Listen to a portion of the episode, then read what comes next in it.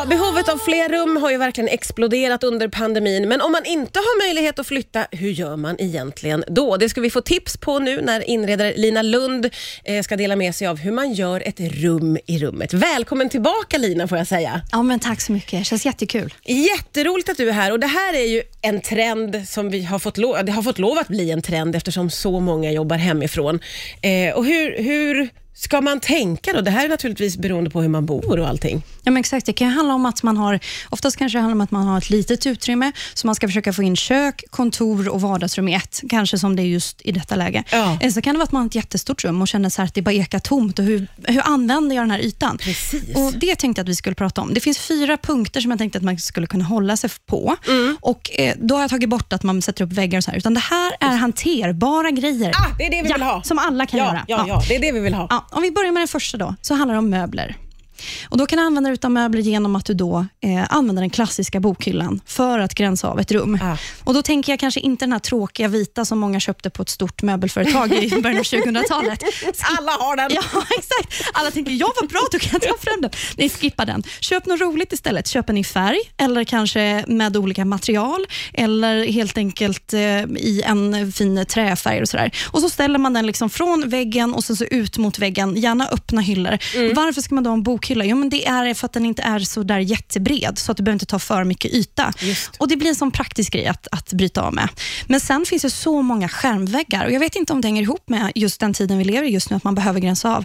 Men många skärmväggar ute i butikerna. Jag tycker de i rotting är väldigt fint. Ja, just det. Ja, eh, trendigt och framförallt klassiskt. finns en del i bambu om man vill ha lite sån stil. Och Sen vill jag, som jag brukar göra, slå ett slag för second hand och framförallt då auktionsverken. Ja. Så mycket fint man kan hitta där. Ja men verkligen. Mm. Och det här med att man ska liksom tänka utanför den här vita tråkbokhyllan. Ja. Det blir liksom lite viktigt att det är fint också då, Ja. eller hur? Ja, men exakt. Det är lite mitt gebit, det är så jag jobbar. Att jag tycker att det ska inte bara vara praktiskt, utan varför inte bara göra så att det blir roligt när man ändå ska göra någonting av det. Ja. Du kan ju sätta in jättefina saker i den här, så pynta upp den så, så att du känner dig glad när du tittar mot den här bokhyllan, inte bara liksom någon möbel du har ställt in.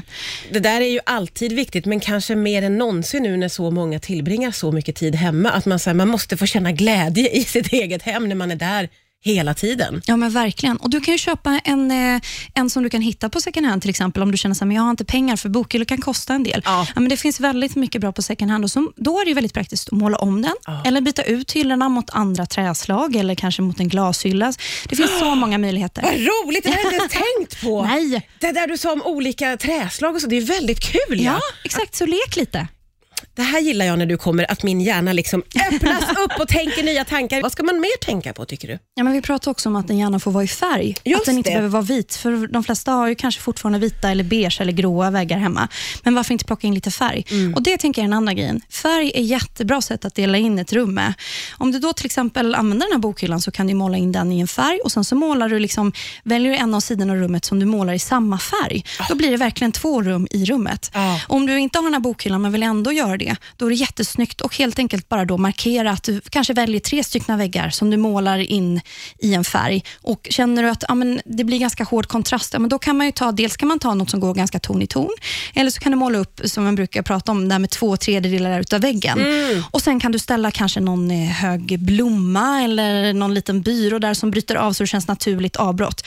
Men med färger så kan man göra väldigt mycket. Och Sen så tänker jag också, på tal om det här med väggar, att du kan även dela in ett rum genom att du eh, placerar tavlorna på ett visst sätt eller hyllor på ett visst sätt. Jaha. Om du tänker att du har, eh, vi säger köksbordet, du har det instängt vid väggen liksom, och sen Ja. har du soffan på andra sidan.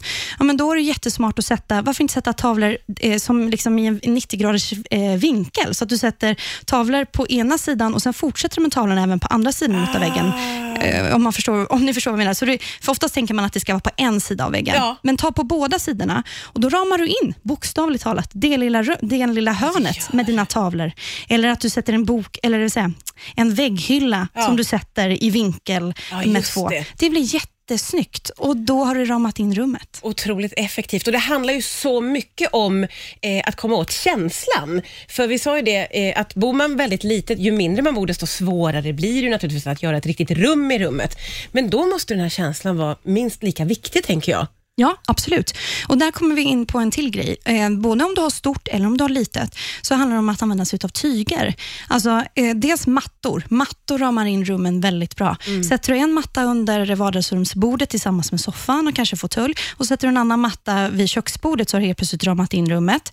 Eller så kan du också använda dig av, varför inte helt enkelt sätta en skena i taket som du sätter jättevackra, härliga linnegardiner oh. i. Och så liksom kan du gränsa av och då kan du också smidigt öppna upp och stänga till till exempel om du har kontor hemma i vardagsrummet för du har ingen annanstans att vara. Sätt in vackra eh, så här linnestruktursgardiner där.